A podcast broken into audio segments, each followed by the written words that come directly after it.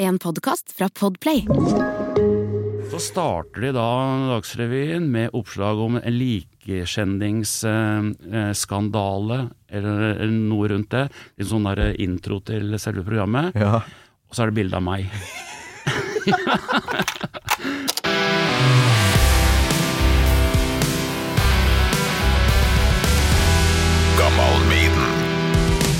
Er ikke noen kaffemann du heller, altså? Flere og flere gjester her som ikke drikker kaffe, altså. Nei, jeg har vel ikke drikket kaffe på siste 40 åra, tenker jeg. Og det siste jeg drakk var vel en kaffedoktor. Så Kaffedoktor, ja. ja.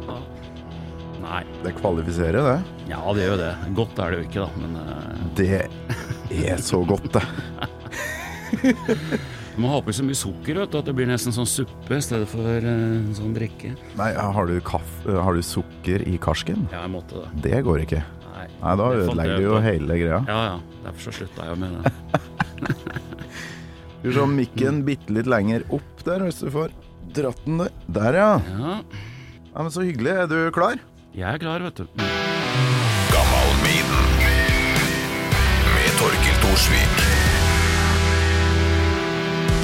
Frode Øyen, hjertelig velkommen til Gammal Maiden. Tusen takk for det.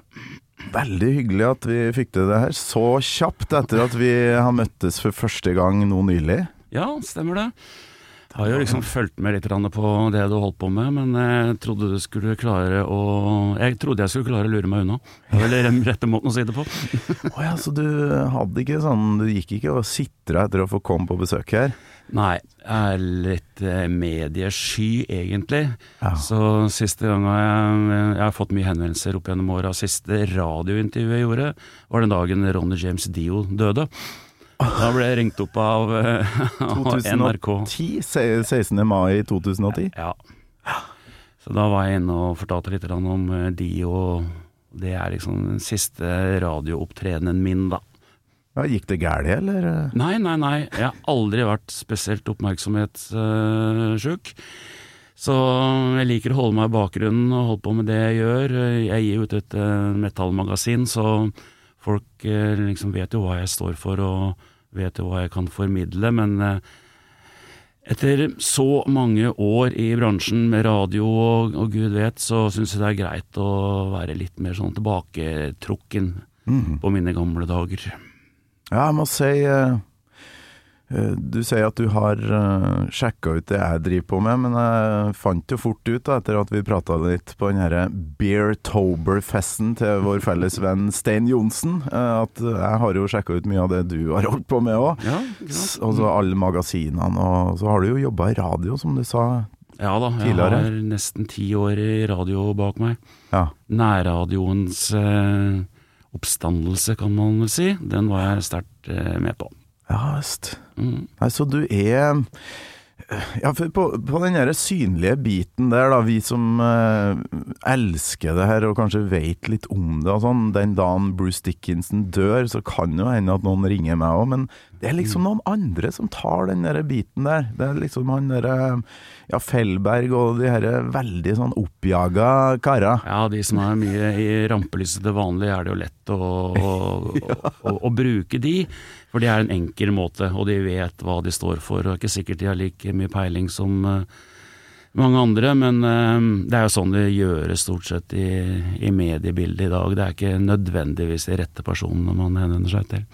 Nei, du jobber altså med media og holder deg helst i bakgrunnen. Det, jeg må si jeg liker det. Vi, skal, vi må gjennom det du har holdt på med. Hvor lenge har Scream Magazine eh, eksistert, egentlig? Eh, Første utgaven av Scream kom vel da i oktober 1990. Så Oi. vi snakker vel eh, Jeg er inne i vårt eh, 32. år med Scream nå. Det er jo ganske utrolig, egentlig. Vet du hva, det er helt rått, egentlig. Når du sier den datoen og det årstallet, så tror jeg det kulminerer med øyeblikket da jeg fikk øynene opp for eh, ordentlig metal, og da via Maiden. Ja. No Prayer for the Dying var mitt liksom første Min første kassett der jeg bare hørte den ti-tolv ganger om dagen. Ja. Og da laga du magasin. Ja, det gjorde jeg, vet du. Mm. Så vi ga jo ut den aller første utgaven av Scream Magazine. Den kom jo faktisk ut eh, på samme datoen som Iron Maiden spilte i Drammenshallen. Okay. Så vi kjørte jo, hadde jo selvfølgelig litt sånn baktanker med å ha Iron Maiden på coveret av Scream, for at vi fikk lov av Maiden Management og Gunnar Eide, som det het, eller Lion Nation i dag, til å, til å selge bladet utenfor uh, Drammenshallen. Å ja. Fordi at uh, uten tillatelse der så hadde du blitt kasta på huet og ræva ut, ikke sant. Eh, Så vi, vi gjorde det, da. Og, og det var jo liksom Det var den måten vi kom ut til folket på med Scream Magazine, for du hadde jo ikke Facebook og andre sånne promo, promotion-materiale som man promotion-metoder man har i dag. Nei. Så jeg måtte gå direkte til kunden, liksom. Så det var eh, litt tunge tider å komme i gang. Men eh, vi var jo, hadde jo litt flyt, da. Vi har, jeg hadde vært i bransjen i mange, mange år, kjente mye folk. og Så fikk en litt eh, enklere oppstart pga. det. Ja, for du starta ikke der. Vi snakker vel eh, typ sånn fanzina laga på kopimaskiner. Helt korrekt. Ja. Den første fanzina mi kom ut i 1980. Da var jeg 18 år gammel, Jeg og hadde akkurat flytta til Oslo. Eller 81 kom den vel ut, og da starta jeg med eh, fanziner. For at, eh, det var det var én fanzine som jeg husker at ble solgt på Og hva het den platebutikken da? Eh, eh, Circus et eller annet. Eh, Electric. Circus. Ja, ok. Ja. Nei, jeg? Ja. bodde jo Da var jeg jo tre år gammel og bodde oppe i Gok, så Ja, det der fikk jeg ikke med meg. Men eh, Nei. så Fantina Jeg husker da jeg flytta til storbyen for første gang, så var det sånn eh, Folk drev og snakka om det fanzine, hva faen er det for noe? Jeg visste, Ja, ja. jeg ante ikke hva det var for noe, for det fantes jo ikke der jeg kommer fra. Nei, altså det var ikke så lett å få tak i det. Du måtte inn i spesialforretninger for, som hadde konsentrert seg om eh, mer sånn rock og, og metal. Ja. Og der, eh, det var egentlig der, der du fikk solgt det. Og så var det noen som ble det jo spredd litt rykter rundt omkring, så du kunne få noen bestillinger gjennom posten. Men eh, altså fanzine, det var bare noe du gjorde for gøy, for å spre budskapet, rett og slett. Null penger i det, det var rent tapsprosjekt hele tiden. Men det var gøy å drive med, da. Men fy Mm. flate så mye nostalgi og gode minner folk har eh, rundt det her, eh, som jeg har snakka med. Pelle Neråsen har vært innom. Mm. Jobba han for deg på det tidspunktet? For han skrev vel litt sjøl, sa han? Ja, nei, han har aldri jobba for meg. Han jobba jo i EMI, eh, plateselskapet EMI i alle de åra. Jeg har hatt veldig nært forhold til Pelle i alle de åra. Ja. Han har vært eh, veldig flink til å, å sørge for at eh, vi fikk være med på alt med Scream. EMI er jo en sånn stor, var storkommersiell plateselskap som eh, jeg følte at bare tenkte VG og Dagbladet når det gjaldt å promotere ting, men eh, Pelle var flink til å få med oss, da. Så var han jo stor Maiden-fan, og det liksom, når det var Maiden-ting, så kom han til oss med en gang. Så det er viktig å ha sånne gode, lange bekjentskaper i bransjen. Men det Jeg har en kollega her som er sånn ti år yngre enn meg, og han ble rimelig overraska. Fortalte han at uh, Maiden, Metallica, den gjengen der var med i Topp, og, og mange av de her glossy eh, andre magasinene, i tillegg da til det du drev på med. Eh, så det Ja. var litt konkurranse der òg, vil jeg tro. Ja da, eh, nå var det ikke så veldig mange metallmagasiner når vi starta opp Scream. Nei? Det var, det var noe som het Street Fighter, som var en slags forløper, da, for at jeg, jeg skrev litt for Street Fighter på slutten av eh, 80-tallet, Altså han som dreiv bladet, han orka ikke noe mer, så de siste bladene der lagde jo jeg mer eller mindre på egen hånd, Ja. med hjelp av noen som eh, leverte bidrag, selvfølgelig. Men eh, jeg ville ha et litt mer profesjonelt blad, eh, for det var en mellomting mellom blad og fanzine. Jeg ville ha litt mer eh, ordentlig ut av det. Så Sånn, tenkte litt kerang og sånne ting, ikke sant. Mm. Så da ble det, ble det, ble det mer eh, fasong på det, ordna forhold med, med, med, med Scream, da. Mm, På den måten der. Street Fighter, eh, Mm. tok det, det tok ikke navnet fra det her eh, Arkadespillet, eller? Du, det, det vet jeg ikke. Jeg, jeg var ikke med og starta Street Fighter, det var jeg ikke. Det var en som het Sæmund Moshagen, okay. som bodde oppe rundt Gjøvik, Raufoss, Hadelandsområdet i hvert fall. Ja. Så der kom jeg bare inn etter hvert. Mm. Eh, og ble endte med at jeg overtok. Og så ville ikke han fortsette, og da, da ville ikke jeg det heller, for jeg ville ha mitt konsept, da. Ikke bare videreføre hans tanker. Det har overlevd fram til i dag. Scream, ja. Ja, Det har det. Det har vært tøffe perioder. Det har det, helt klart. det vil jeg tro. I begynnelsen så hadde vi jo ikke noe distribusjon heller. Vi, hadde, vi brukte mm, noe plateselskap som distribuerte det ut til platebutikker. Og den perioden der var jo litt eh, tung, selvfølgelig. Eh, Det kosta veldig mye å trykke opp blader på den tida der. Eh, ikke så veldig mye annonseinntekter å, å spore på. Vi hadde veldig få abonnenter i begynnelsen. Så det var først når vi kom oss inn på en eh, distribusjonsavtale med Narvesen at det tok fyr. Og, og at vi klarte å stabilisere det. Vi har jo aldri tjent penger på Scream. Altså, det er sånn at vi går det i null, så er vi kjempehappy. Det er det som er målet. Eh, Vi har nok tapt noe penger sånn underveis, og spesielt når koronaen kom. Da gikk vi på en kjempesmell økonomisk, men eh, Ja. Ordna litt dealer og, og gjorde litt eh, andre planer med bladet, så har vi klart å holde hodet over vannet. Men vi vet jo at et papirblad i dag eh, Ja, det kan fungere en liten stund framover, men det er ikke noe evigvarende, det. Altså, det er, alt er jo på digitale medier. og Ja, Eh, og det som skjedde også med, med, med, med Scream og andre blader, var jo at eh, Narvesen-kioskene tok de jo ikke inn. Det eneste de tok inn var Se og Hør og noe sånn eh, arkitektblader. Altså det var helt umulig. Du måtte på flyplasser, store uh, jernbanestasjoner for å finne bladet. Og da ble det litt sånn meningsløst, for det ble en veldig dyr måte å få et blad på. ja. Jeg må si eh, det er noe eget likevel med å jekke seg den derre søndagskveldpilsen for å reparere litt, og sette seg ned med et fysisk magasin, altså. Nerde litt. Det fins jo så mange ja, gode magasiner fremdeles, så det må jo være noe penger i det. Ja, det er det sikkert. Eh, Norge er jo ikke akkurat verdens navle, litt for lite folk. Ja. Vi har ikke den eh, metalltradisjonen som f.eks. Sverige har, da, som har tusenvis av metallband som får oppmerksomhet og er rundt hele tida. I Norge har vi jo liksom under dusinet, liksom, hvis du begynner å se på det. Så miljøet er ikke her, og det er ingen som tar det veldig seriøst uh, utenfor selve klanen, da. Altså de kommersielle mediene rører jo ikke metallting, de gjør bare narr av det. og Klarer liksom ikke å, å se greia rundt det, rett og slett. Nei, det der er jo et uh, fenomen. Mm. Uh, for plutselig så skal jo eh, ja, de store mediehusene Vær være interessert i metall, men så finnes det kanskje ikke noen i redaksjonen som kan følge opp den derre interessen. Fordi, ja, jeg har merka meg at du har, vært litt frampå der og, og reagert litt, ikke sant? Okay. Ja da, jo da, flere har havna i rimelig heftige diskusjoner med flere, og særlig de gamle Akersgata musikkjournalistene, Ja. VG og Dagblad.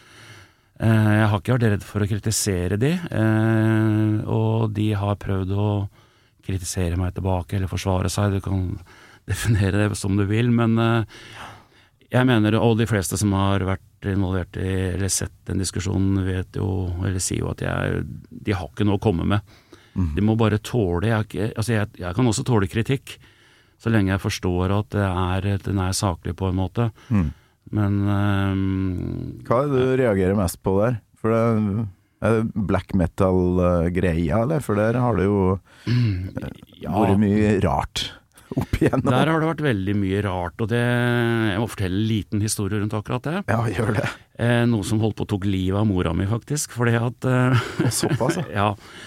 Det her eh, var, det var en likskjendingssak nede i Skien. Hvor det viste seg at det var et black metal-band eh, som hadde drevet med likskjending der nede i Skien. Og det ble jo store oppslag Ja. rundt det.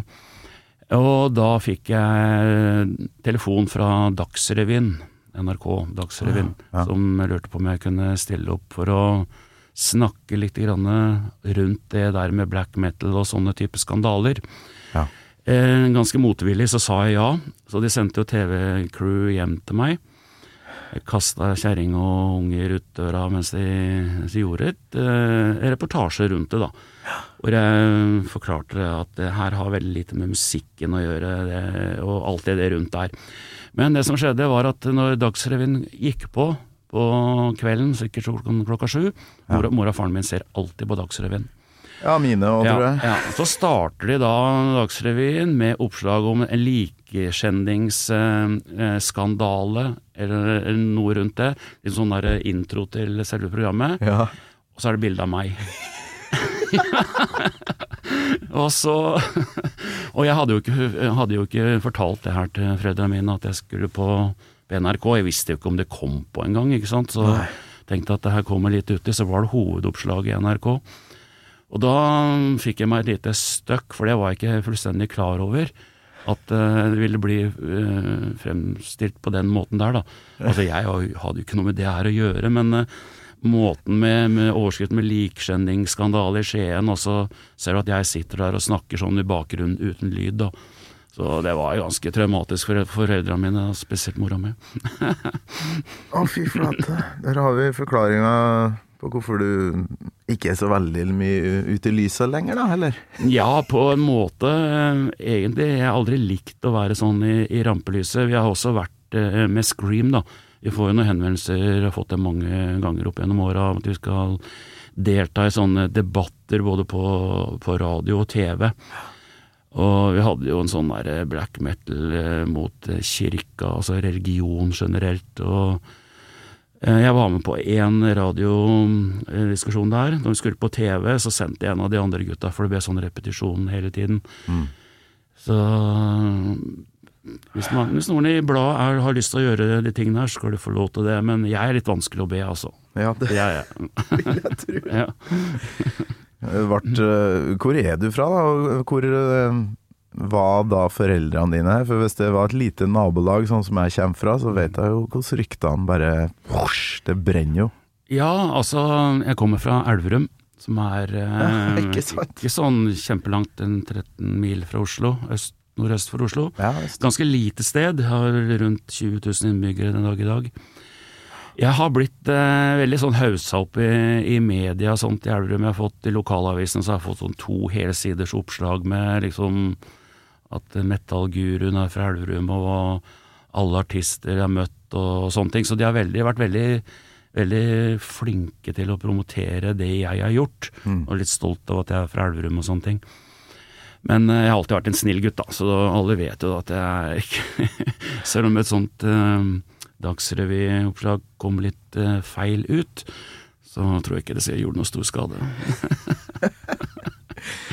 Det tok ikke du med et par eh, magasiner, sånn at vi får se det, eller eh, sjekke litt sånn forskjellen på dagens og det første? Ja, det Har du lyst til å se på det, så skal du få lov til det. Ja, det Det er det første og det tredje siste.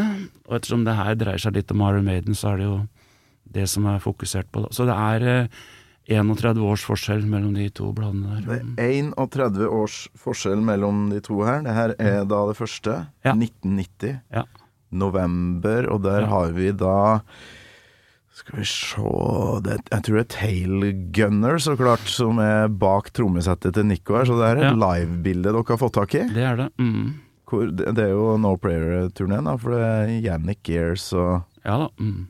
Hvor fikk dere det bildet herfra? Nei, det fikk vi nok fra plateselskapet som Maiden var på den tida. Den vel var Ja. E- EMI, vil jeg tro. Nytt norsk heavyblad, står det. Ja. Kroner 28. ja.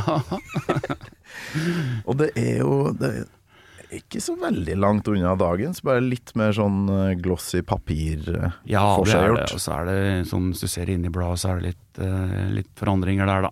Ja, ja. Det er mye mindre skrifttype nå, blant annet, som gjør at eh, gamle kara begynner å måtte, må bruke briller for å lese Scream, da. ja, ja. Men det her er jo en tidsreise, da, til, for min del. Tilbake til jeg var tolv år. Ja. Og her står det Arch, Slayer, Anthrax, Testament, Megadeth. Det var mye thrash-band her. Ja.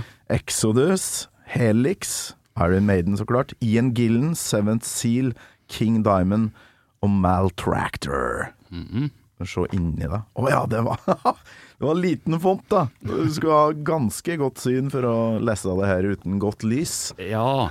Det har blitt mye mindre gjennom åra enn det som er der. Fy flate.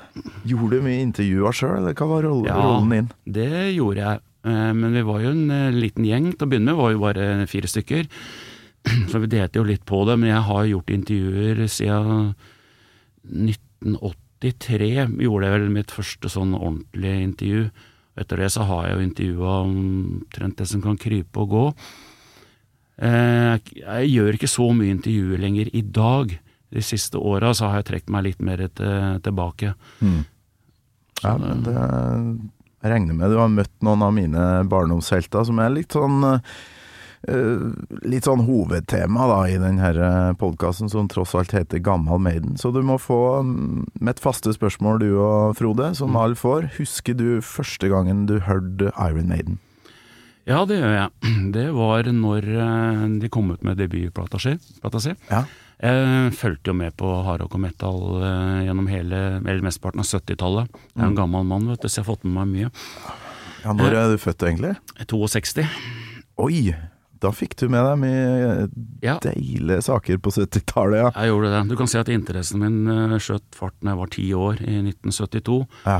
Da var jo noen av banda på banen allerede, som Purple Sabbath og Zeppelin og alle de der.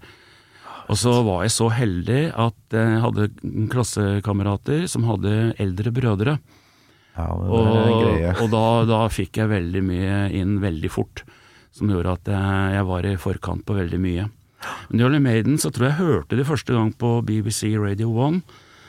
Eh, Jeg kjøpte jo Sounds og en New Musical Express og alt sånne ting, så jeg var jo alltid oppdatert på ting. Mm. Og kjøpte da Maiden-skiva, jeg husker jo ikke akkurat hvor jeg var og, og sånne ting da, men det som eh, irriterte meg når jeg fikk den eh, Maiden-skiva, var at jeg fant ikke låta Sanctuary, for den hadde jeg hørt på radio. Og den var jo ikke med på skiva, og det forsto jeg ingenting av. Så jeg måtte jo finne ut av det, og det viste seg at den kom jo bare ut på singel um, på den tida der. Den kom, Ja, han kom vel med på en annen utgave? ja da, han kom med på seinere reutgivelser. Ja. Men på den første originalen så var han jo ikke med.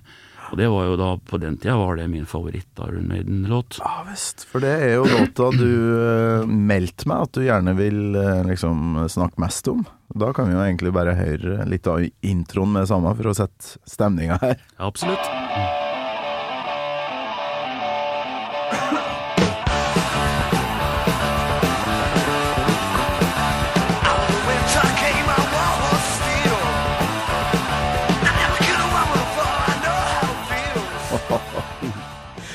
Ja, det var radio, men hvorfor akkurat den låta her sånn eh, ellers? Altså Det er vanskelig å svare på, egentlig. Jeg, jeg er jo, jeg har jo et sånn rock'n'roll-hjerte, og den låta der har et sånn rock'n'roll-driv. Så det var kanskje den som bare catcha meg på På grunn av det, da. Og så så jeg noe liveopptak litt seinere hvor de spilte den. Jeg syns den var, eh, var helt fantastisk, da. Så det var jo min favoritt-Maiden-låt uh, helt uh, til The Number of the Beast. Da, da Jeg er faktisk en av de som ikke er så kjempeglad i Killers, jeg, da. Ja, ja, ja. Ja, men, eh, jeg likte, likte debuten veldig godt, og Killers ble jeg litt skuffa, faktisk. Og så tok det jo helt av når Number of the Beast kom. Da, Ja. da var det jo kremlåter på rekke og rad, og Dickinson Jeg liker han mye bedre enn det jeg må, jeg må innrømme det. Så ja, du gjør det, ja. ja. Ja, men det er herlig å høre, for det er jo akkurat som med Metallica, kanskje særlig, så er det jo ofte en greie som splitter fansen. Ja. Liker du det best, eller liker du det Ja best? Før eh, eller etter mm. Black Album, eller liker du Black Album eller ikke? Det er jo det sånn eh, Svarer du ja på det, så tror jo folk at de vet alt om det. Ja, ikke sant. Ja, ja. som menneske. Helt klart. Men Men jeg syns Killers, ja. ja. Nei, ja, nei, den fikk jeg ikke helt eh, taket på. Det var vel Eh, litt sånn rester fra førstealbumet første albumet som ikke ble med der, og så Men eh, knakende godt album, syns jeg, da. Ja da. Jeg var jo, når, når Maiden slapp debutplata si, syntes jeg den var veldig bra. Det kom et par andre skiver rundt den tida, Saxon husker jeg, og det ble liksom metal ble et, eh, ja, da, New Wave of British Heavy Metal var jo oppstarten rundt det der. Ja. Så da, eh, da hadde jeg jo fylt 18 år og hadde bil, så da ble det jo lettere å komme seg på konserter òg. Så jeg dro jo så Maiden i 1980 i Drammenshallen. Fikk med den, du, ja. Support for Kiss. Ja, Og jeg var kanskje en av veldig få som dro dit for å se Maiden. da. jeg snakka med flere andre som uh, var der for dem, men da Ja. Mm. Men ja. Hoved... Uh, Ja.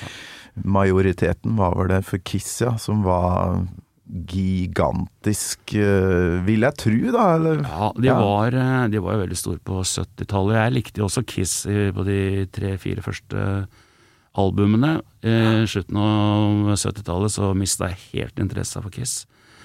Eh, Så når de spilte i Drammenshallen da, så jeg tror jeg bare så noen få låter med de faktisk. Så, så Maiden, og så så et par låter, og, og så fant vi vel på noe annet. Jeg husker ikke helt detaljene rundt det der, men det var Maiden jeg dro for å se, så det Ja, er greit. Og så være på Kiss-konsert i 1980 og gå derifra, da må det være ei jævlig fin dame i Drammen som uh, lå og venta på deg, altså. For det er spesielt. Det tror jeg er mange som uh, Ja. syns er temmelig sprøtt. Ja, men det er sånn eh, Jeg har aldri vært sånn helt vill på band og, og skal se alt. Jeg har kompiser som skal se absolutt alle band, ikke sant. Ja. Eh, nå har jeg sett eh, alle band jeg har lyst til å se, med, ett unntak, så eh, Ja. jeg har ikke det, det der behovet. Altså, jeg, har, jeg må bare innrømme at jeg har vært på Wacken-festivalen hvor det spilte eh, det var 95 band på plakaten, og jeg så fem av de.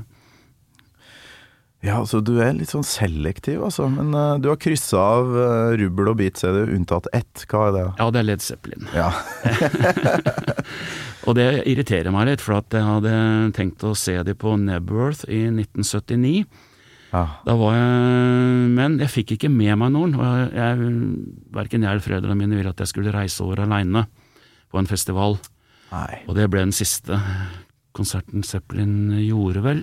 Festival alene kan jo være litt Ja. trist. Så jeg kan jo angre på det i ettertid, men eh, det var helt greit egentlig at jeg tenkte jeg kunne få sjansen seinere. Det Ja, altså den derre såkalte reunion-aktige i O2, var det det? Ja. Du stakk ikke dit heller? Nei, det, det var ikke så veldig enkelt, for det var umulig å få billetter. Ja, det var sikkert Så da satt jeg hjemme og tok imot tekstmeldinger fra Stein Johnsen, som sendte meg bilder og rapporterte fra konserten. for en kuk. Ja, herregud. Er Unnskyld, helt- Stein. Også For dem som ikke kjenner Stein, han jobber jo med TV, men så har han jo et li- liveprogram med kun livemusikk på Radio Rock på fredagene. Og så hadde han fest nylig, og der møtte jeg deg, Frode. Eh, Veldig hyggelig. Men da, hvem er liksom de andre på lista der, eh, som du har kryssa av på, som var de viktigste for deg, da? Nei, altså jeg fikk jo med meg alt jeg På, på 80-tallet og mesteparten av 90-tallet så var jeg jo på så å si alt som var av konserter i Oslo og omegn. Og reise til utlandet. Jeg elsker jo å reise utenlands for å dra på konserter. Litt eh, annen stemning, syns jeg, og litt eh, eh, kulere Altså folk er litt mer eh, seg sjøl. Ja. Særlig i Tyskland, hvor du selv den dag du ser folk på opp 70 år som går med de der patchjakkene sine og er Altså, de er så ekte, da. Og det er så gøy. Folk, folk som ikke er innen miljøet, gjør latterliggjør og sånne folk, men det er liksom folk som har musikken så innmari i hjertet, ikke sant, at de, de bryr seg ikke om hva folk sier. De, de, de støtter opp og viser at uh, man kan være gammel og like heavy metal, liksom. Ja, tyskerne har en helt spesiell Jeg Ja. vet ikke hva, hva som er greia der men Jeg har jo spilt uh, med trønderske tekster, full pakke, i mange turneer i Tyskland. Folk Mm. Ja. går jo bananas. Ja da. Eh, Nei, tyskerne har en eh, De er eh, ganske åpne, tror jeg, når det gjelder ja. musikk generelt. Og de har jo en del bra band sjøl også, som de er stolte av. Og liksom, den største metallfestivalen er jo i Tyskland. Den selges jo ut på tre timer, ikke sant. 90 000 billetter.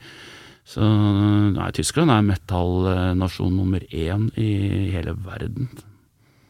Liker du Rammstein? Det gjør jeg. Mm. Ja. Håper de kommer eh, neste sommer, da. Så vi får se dem igjen. Var du på Ullevål? Nei, det var jeg ikke. Vi skal vel på Bjerke, spille på Bjerke travbane nå etter sommeren, tror jeg. Ja. Jeg var på Ullevål nemlig, og det var min første. Jeg har gått meg hus forbi det der, men det er jo noe av det sjukeste jeg har vært med på. Ja.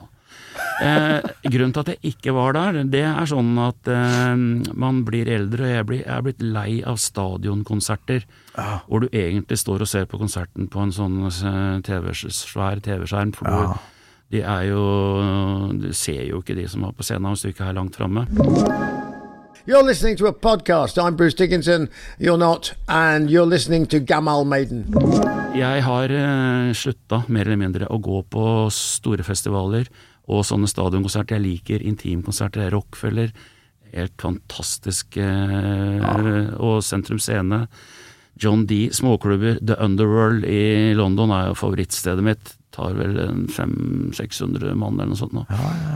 Så det, det blir litt Det er mer sånn, intimt, og da føler, føler du litt mer nærhet til bandet også. 60-70 personer på last train og full pupp der, det er jo kult det òg. Absolutt. Ja, ja, ja. Ja, Det er sånne ting jeg syns er gøy, i stedet for å stå langt bak og se på en skjerm. Det er jo Ja, det Det gir trist. meg ikke noe Ja, særlig. Nei, Mm. jeg er helt enig. Um, men da, i Drammenshallen så er det jo ikke sånn giga da, når du ser Iron Maiden. Hvor mange er det som gikk inn der igjen? Jeg er litt usikker på det. En, kunne ha vært en 2500 eller noe sånt, kanskje. Ja, ikke sant? Da var det jo stoler, da, så du måtte jo sitte, egentlig. Å, herregud, det har ikke jeg tenkt på ennå. Nei, var du, satt du helt fremst, så kunne du gå fram, liksom, men uh... Men til og med i 1990, for da spilte de den siste Drammenshallen Ja. i No Prayer. Var det stoler da? Du, vet du hva, den konserten var jeg ikke inne på, for jeg var ut, utenfor og solgte Scream. Ja, Så så klart gjorde du det. jeg kom meg aldri inn på konserten, da. Men Summer in Time, da. Eller 19... eh, Ja, 86-87 var de ikke her da. Med, med Wasp, som ikke fikk spille. ja, stemmer det. det var, var du her da? Ja, ja. Var det stoler da, eller? Ja da. Nei, men Hæ?! Mm. Nei, det høres jo helt idiotisk ut. Ja, det var i begynnelsen Men Begynte ikke folk å ta og fjerne stolene og reise seg opp og, Jo og kjøre litt ordentlig? De prøvde det, men det var vakter, da. Det var jo sånne soner innenfor der stolene var, og det var jo vakter der som gjorde at du måtte jobbe litt for å komme deg fram, da. Det er klart, utover konserten så ble det jo litt mer sånn anarki. Eh, det Ja. gjorde det jo. Så, men til å begynne med så hadde du en, en stol du skulle sitte på. Sånn pla plast, plaststol, husker jeg. Ja, ja. Husker du om Sanctuary var på settlista da? Nei, det husker jeg faktisk ikke. Nei. Eh, Jeg regner med at han var det. Det regner egentlig jeg med, for det er jo, den var jo lagd, og den var jo Ja da. en stor live-vinner som de eh, fortsatte med i mange, mange år. Ja da. Så Altså, Den Maiden-konserten var en av mine aller første konserter eh, av sånn type kaliber, da. ja. Um, for at jeg hadde akkurat fylt uh, 18. Konserten var vel i oktober eller noe sånt, tror jeg.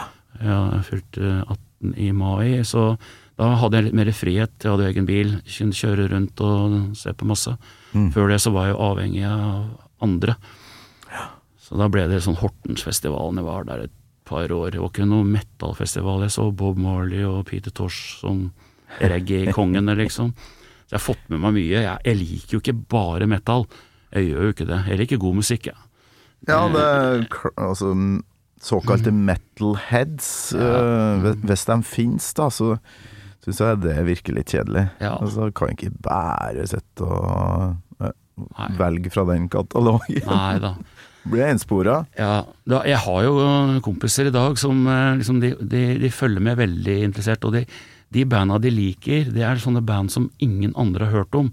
Det er skikkelig kjellerband, altså.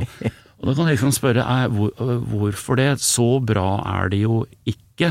Man kan nok finne noe sånn eh, at det har sin sjarm, Ja. men det, det blir litt sånn eh, Litt sånn satt på spissen, syns jeg, da, at man liksom skal like noe som ingen andre liker. Du skal være unik, liksom. Det er jo ikke inn Ja. å like Metallica lenger. Nei, det Eh, det er mer inn å like Maiden. Maiden har jo en helt annen kommer tilbake igjen, Ja, ja. de har jo det. ja. Eh, Jeg husker det var en periode eh, når jeg sa at jeg var en stor fan av Maiden. eh, Mine største barndomsidoler og digger det fremdeles. Så jeg husker jeg fikk mye pepper for det. Jeg var Mm. Ja. sånn, for da var det jo Mm. som òg er litt sånn politigjeng som uh, ja. velges. og så Ja. hvis du um, ikke liker det samme, så var du liksom litt dust, husker ja, jeg. Og så var det jo Ja, Skandirock og eh, mye sånn Det skulle ikke være for stort, da. Nei. For kommers. Og det var jo en gjenganger på 80-tallet, når det liksom var egentlig sånn gulltiåret for eh, hard rock og metal. Fordi at du hadde metallbanda med Metallica, Maiden, Priest, som var liksom De var true, da, i Ja. metall. Så kom Motley Crue, Poison og alle disse her um, mer glam-aktige banda, som jeg også likte veldig godt. Syntes det var dritkult. Men det var mange som hadde problemer med å forstå. da, altså Enten er du metal, eller så er du poser, liksom. Å like begge deler, det Nei, det gikk ikke an. Jeg husker jævlig godt at det var ja, Motorpsycho og Det var veldig mange som var sånn skulle være litt sær, da. Mm. Og så um, ble jo jeg litt sånn fan av eh, Ikke litt heller, men Faith No More var liksom mitt første sånn åh, nå Det her er mitt opprør på et vis. Jeg vil Ja. like noe som veldig få andre liker. Mm, Og etter hvert Mr. Bungle, da, som var liksom eh, sideprosjektet til Mike Patten. mm. Det var veldig mange som digga helt til uh, Det ble sånn ti-tolv stykker i gjengen som digga det. Mm, mm. Da var de ikke fan lenger. Nei. Det er òg en greie, at man liksom Ja. skal ikke være med på en sånn, uh, en sånn bølge. Nei da. Det er, det er riktig, det samme skjedde med Metallica. Mange som er fan av de tre første skivene, så hater du resten, ikke sant. Ja. Altså, du gjør jo ikke det. Altså, klart de tre første skivene er kanskje de tre beste isolert sett, men man, ja, man har et sånn rart syn på sånne ting, da. Eh, som er, jeg tror det er bare litt sånn der, man skal tøffe seg litt. Nei, alt var bedre før. Du har jo ikke hørt refrenget engang på Sanctuary. Ja. Vi må jo, for det er en energi i den låta her som jeg skjønner veldig godt eh, Jeg skjønner valget ditt når du hører på den greia her.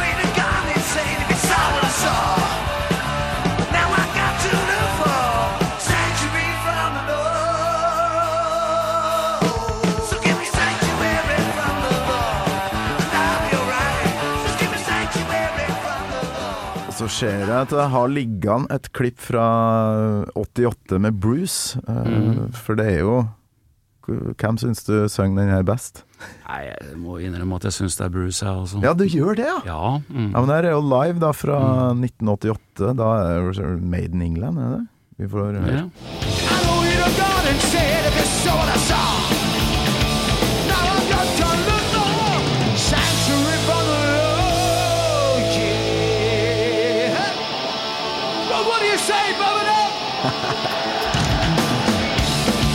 Ja da.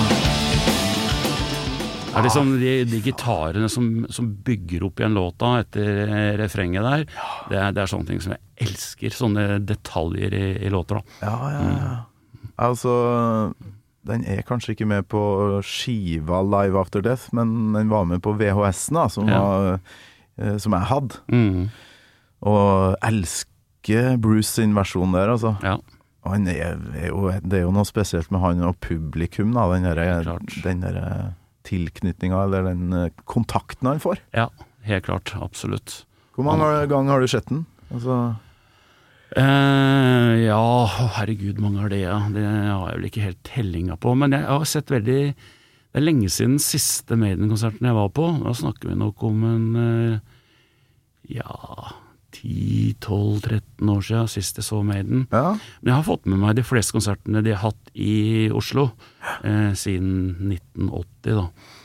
ja okay. jo, men jeg har ikke sett det. De spilte vel i Bergen her eller noe sånt, gjorde de ikke det engang? Jeg, jeg, ikke, jeg har aldri vært Trondheim sånn òg, på den der siste her nå. ja. Jeg har aldri vært eh, der. Eh, det er veldig få band som får meg til å fly land og strand rundt for å følge de. Så, Men du har jo ikke råd, for du jobber i magasin. Det er jo ikke noe penger der. Nei, det, det, det er riktig. Man, ha, man må ha en jobb ved siden av. Ja, men du får vel Altså, når du har bygd opp Scream Magazine fra bunnen av, må jo få noen sånne frynsegoder, eller? Mm. Mange. Ja, ja. Veldig mange. Det må jo være noen som slenger noen billetter etter deg. Ja, jeg har alltid fått gjesteliste på Jeg, jeg liksom eh, Jeg tror nesten kan telle på én hånd de konsertbillettene jeg har kjøpt, da. ja, det er Akkurat det. Men altså, jeg, det er greit. Det har man kanskje fortjent for det man har gjort for, for musikken. Man har jo, får jo også CD-er, man får reiser, eh, får opplevelser. Det er, eh, Jeg har aldri vært noen sånn starstruck-person som eh, liksom store målet mitt er livet er å treffe disse rocke-metall-gudene. Aldri brydd meg om. Jeg har aldri brydd meg om signaturer, autografer. Jeg har ikke én plate med en autograf på, for jeg vil ikke ha det. Nei, en, en god egenskap og tror jeg, for dem som stjerner som skal møte deg, da. Ja, ja. Jeg husker jeg gjorde et intervju med et svensk band mange, mange år siden. Så ville han sende meg en CD, og sa ja, gjør gjerne det, liksom. For da hadde jeg bare sånn papp-promo-CD. Ja. Og fikk jeg den signert, da. Så tenkte jeg at nei, det finner jeg meg ikke i. Så jeg sendte den tilbake. Forklarte at jeg sparer ikke på CD-er med signatur. Da. Han trodde jo jeg var helt uh, borte vekk, ikke sant. idiot det her. Nei, men det er klart, hvis man hadde gjort det jeg, Det var ikke ABBA, håper jeg. Nei, det var ikke det. Det var ikke noe, noe stort band heller. Men hadde man begynt med det her fra tidlig 80-tall, som jeg hadde hatt muligheten til, så hadde man jo hatt en ganske fet samling med eh, ting, Hva skal du med det, da? Ja, nettopp. Det er akkurat sånn jeg tenker òg. Men eh, Å, fy flate, du Men du har jo fått snakka med Bruce Dickinson, regner jeg med? Ja da. Jeg hadde jo min første Mm. Bruce-opplevelse nå nylig. Fikk ett kvarter, og det, um, det tror jeg lever på resten av Ja. livet. Jeg trenger ikke noe mer. Nei, altså med et band som Maiden nå, som har blitt så svære, alle skal snakke med de, så får du ikke de der, du får ikke den timen som du fikk før. Nei. Det, det gjør man ikke, og det forstår man for så vidt også. Så det gjelder å være Vi som eh, er et skrivende medie, vi kan jo fylle inn ting sjøl. Du med radio må jo nesten forholde deg til det han sier. Podkast skal jo helst ikke være så mye mer enn bare et opptak og rett ut. Ikke så mye kløpping heller. Så. Nei, nettopp. Nei, fantastisk. Nei, så det, det er sånn privilegiet privilegium jeg har hatt, at jeg har møtt egentlig alle eh, de store innen eh, metallen, altså alle for meg, da. Eh, jeg har jo ikke møtt absolutt alle som har spilt bass og trommer og synger opp i, i alle metallband men for meg, det er egentlig én person eh, som jeg ikke har fått snakka med, som jeg godt tenker meg å møte, og det er Jimmy Page. Ja. Eh, ellers så har jeg jo vært borti de fleste. Nei, for du, Mm. du har jo Ja, du er vel født 16 år før meg, eller noe sånt. da Så Jeg er født i 78. Mm. Da lurer jeg jo litt på, når du ja, kom, kom i den alderen at du begynte å forstå hva musikk var. Hva var liksom det første som fikk deg til å skjønne at rock, det er greia mi? Det er vanskelig å si, egentlig. Det, det gikk jo litt på de klassekameratene mine, kompisene mine, og de eldre brødrene. For jeg, du så alltid litt opp til de som var to, tre, kanskje fire år eldre Ja. på den tida der. Fordi de var jo sånn 15-16, og så var det rundt sånn 12 sjøl. Det var kule folk, ikke sant, og de hørte på så kul musikk. Og så ble jeg veldig interessert. Jeg ble jo nerd. Mm. jeg, jeg starta å skrive opp, skrev ned masse. Jeg har jo gitt ut et eh, heavy metal-leksikon, ikke sant. Så jeg har alltid vært sånn nerd på informasjon, da. Ja. Jeg har aldri, men som sagt, jeg har aldri vært en noe sånn starstruck, og at jeg skal møte folk etter konserten og være sånn backstage-konge. Aldri interessert meg. Nei. Så det, Men å drive og snike seg inn bak for å nei, det, det, det er ikke meg. Derfor så har jeg et veldig Jeg snakker og har jo stort sett snakka med de før konsert, da. Det er Ja. da man gjør intervjuer og sånne ting. Og det har vært eh, veldig hyggelig, og invitasjon og backstagepass får jeg, har jeg fått nesten hele tida. Det, altså. Intervju er jo en setting, men Ja. eh, det med å liksom bare bompe borti noen backstage, Ja. det er jo Det har jeg prøvd eh, to ganger, tror jeg, og det er jo bare skuff. Ja, ja, ja. For det eneste jeg får sagt, det er liksom eh, eh, good, good played. Mm, altså, ja. er dårlig engelsk. Og så, og så har du jo egentlig ikke så mye mer å si enn at du er guden min, men du kan ikke si det heller. Nei, nei, nei. Det blir jo bare kleint. Ja, ja. Nei, Det gjelder å ha respekt for, for musikeren også. Noen er jo partyløver og vil ha gjester backstage etter konserten og drikke Ja. seg i knestående. Eh, men de fleste vil nok ha det litt mer rolig. Det er mitt inntrykk, i hvert fall. Ja. Så Nei, det backstage-opplegget, det har aldri fascinert meg. Ikke den settingen, veldig koselig å snakke med, med musikere, Mm. eh, men, på en, men ikke en sånn setting. Kjenner du til Karin Bakås?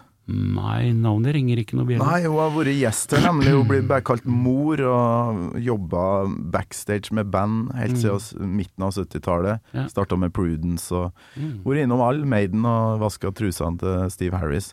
Mm. Men hun la ut på Facebook her om dagen et sånt bilde av uh, hvordan folk tror det ser ut på backstage med en sånn helvetes sånn Motley Crew-aktig party. Mm. Ja, ja, Så ser du hvordan det egentlig er. Så er det fire sånne grå gubber som står med noen sånn flight-caser og kanskje sipper litt på en sånn pils. Og det er jo sånn det Det er jo det. Sånn er det. Ja.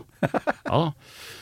Nei, det er, Det er nerder som eh, bare har lyst til å chille fordi de er sliten. Ja, og så er det veldig mange av de som da higer etter denne backstagen, er liksom de tror at det er full party, gratis alkohol og helt ville tilstander, ikke sant. Og det er jo i 5% av tilfellene så er det kanskje riktig. Ja, på Use Your Illusion-turneen så var det vel sånn, men det var vel Ja. ingen som var på de festene. Har jeg lest i Slash si, si bok. Mm. Uh, det var Axel som uh, sørga for at det skulle være sånn toga-parties og Oh. tema, masse sånn temafester. Ja. Eh, svindyrt, masse kulisser og sånt. Mm. Ingen som hadde energi til det. De var jo på turné i to år. Ja, ja, ja. Du kan ikke, kan ikke holde på sånn. Nei da, nei da. Så er det noen band da, som vil ha, ha besøk, Jeg er da helst av damer, da selvfølgelig. Ja. Det er jo flere band her som har brukt det her Pussy Pass. Pussypass, ja, det har Ja. jeg hørt noen rykter Ja. om. Så da er vi på det nivået, liksom. Ja, vi varma opp for et sånn halvstort band i Tyskland en gang, og da var det liksom vår jobb å gå ut i salen og finne de fineste damene og gi dem en sånn pass. Ja. Det Mm. takka vi vel pent nei til. Eh, og så var det ikke så veldig mye fine damer heller, så Nei, det var vanskelig. Ja, Vanskelig ja, ja. jobb. Ja, det er det. Mm. Ah, Sanctuary. Avslutninga må vi jo få med oss her før det går mot slutten.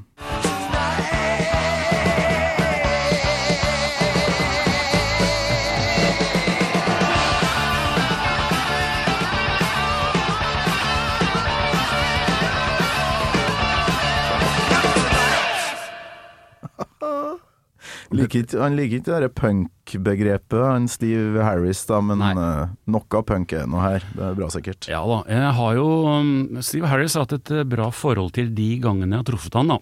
Ja. For at vi har to lidenskaper eh, som vi deler, og det er fotball og ufo. Bandet-ufo. Ja, ja, ja. ja. Uh, så For den Doctor Doctor den er fremdeles som en sånn eh, oppvarmingslåt Ja, ja. på anlegget på konsertene. Ja da.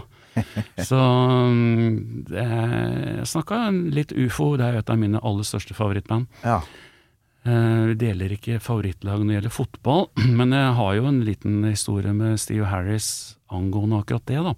Hvis For han er vel sånn Hammers uh... Han er Westham, ja. Ja, og Ja. du, hva er du liker? Arsenal. Arsenal, ja! Ja, ja, ja. Herlig. Du skjønner at uh, i 1992 var det vel, så inviterte Iron Maiden til noe som heter sånn lounge party i London. Ja. Fear of the Dark-skiva, Ja, tror jeg det var. Vår felles venn Stein Johnsen eh, fortalt, fortalte om det der. Yes, og de hadde liksom invitert noe, noe presse- og mediefolk, eh, ikke sånn kjempemange, men det var mye engelske mediefolk der, folk fra MTV og Sky og alt sånne ting, og masse musikere der, Blackie og Wasp-gutta, Allmighty altså det var veldig mye folk der. Ja. De hadde jo gjort om det her til sånn type sånn sirkus-tivoli, tivoli-greie. Ja. Masse damer og pakke der. Hva nå det har med Fair of the Dark å gjøre, det vet Det- ikke jeg, men Det vet ikke jeg heller, men vi mingla jo veldig mye der. Jeg snakka en del med Steve Harris, og, det som, og vi, og vi snakka igjen om fotball. Da. Og Det som var greia, var at akkurat den kvelden vi var der, så spilte Westham fotballkamp, og han var liksom kjemperastløs, for han hadde egentlig lyst til å se kampen. da. Ja, ok. Så vi satt der, og så sa han fader, altså, jeg må få med meg slutten av kampen. Han bodde jo på hotell vegg i vegg. Ja. Så, ja ja, gjør det, det skjønner det, liksom. Ja, men bli med, da, liksom. Harris, hæ, skal jeg bli med deg og se på fotballkamp på hotellrommet ditt? Ja, ti minutter igjen, liksom, bare Hvis du har lyst, da. Liksom, og, ja, ok, det kunne jeg bli med på, liksom. Så Men da var vi borte i 20 minutter, da. Det var ikke noe store greier, og Western tapte og rykka ned, så det ble jo ikke noe noe champagnekveld ut av det. faen, det var, muggen Steve Harris, men likevel situasjon. Ja, den var litt spesiell. På tomannshånd og Mm. liksom på privaten, for det, da, da var ikke du journalist, eller eh, da var du Nei, bare en, Nei, en nei. eh, fotballinteressert kompis. Ja.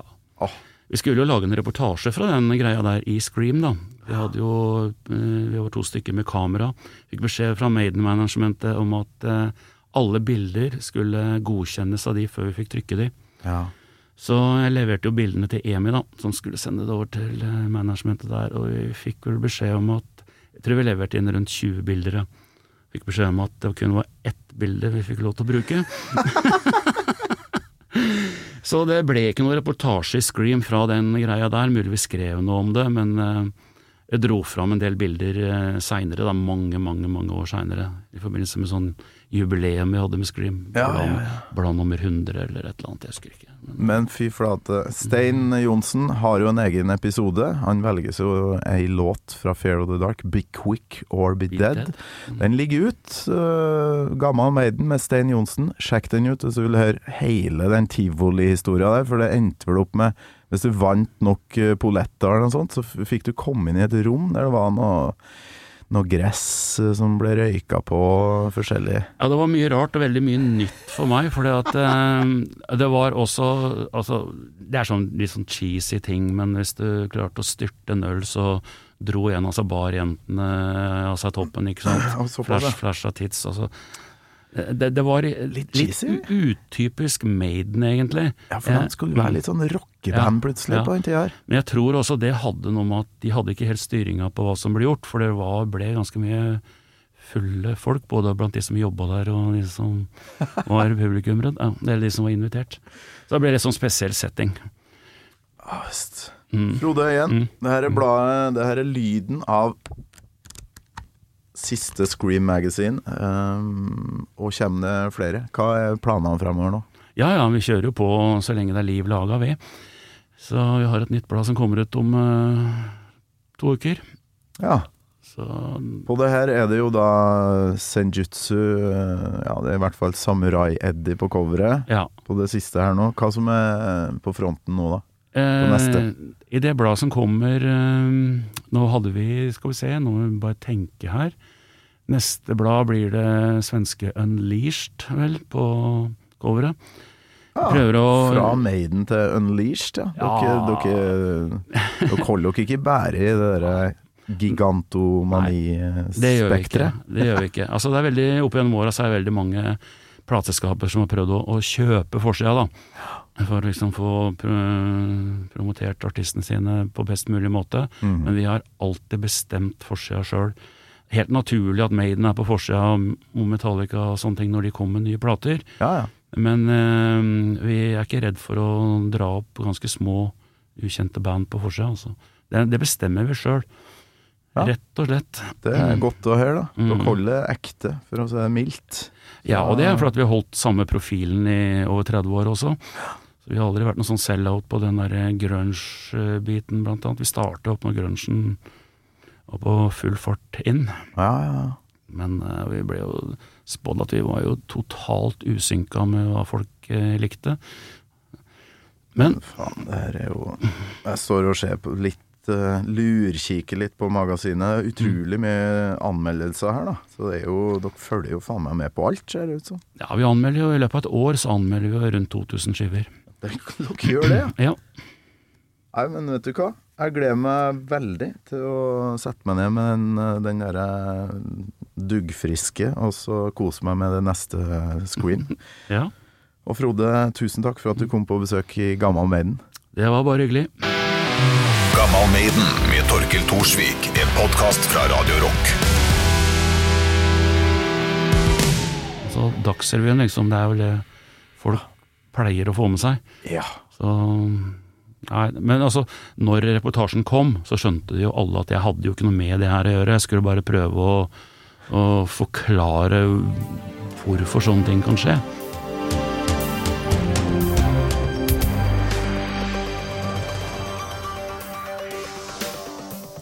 Tre menn fengslet etter likskjendingen i Skien lynsjestemning i byen. Redaktøren av metallbladet Scream Magazine har i over 15 år fulgt black metal-miljøet på tett hold. norske black metal-miljøet er eh, veldig ryddig og det er veldig seriøst. Og de er fokusert på musikken. Selvfølgelig image er en, fortsatt en viktig del innen musikken, men den finner vi først og fremst på, på det visuelle. Du har hørt en podkast fra Podplay. En enklere måte å høre podkast på. Last ned appen Podplay, eller se podplay.no.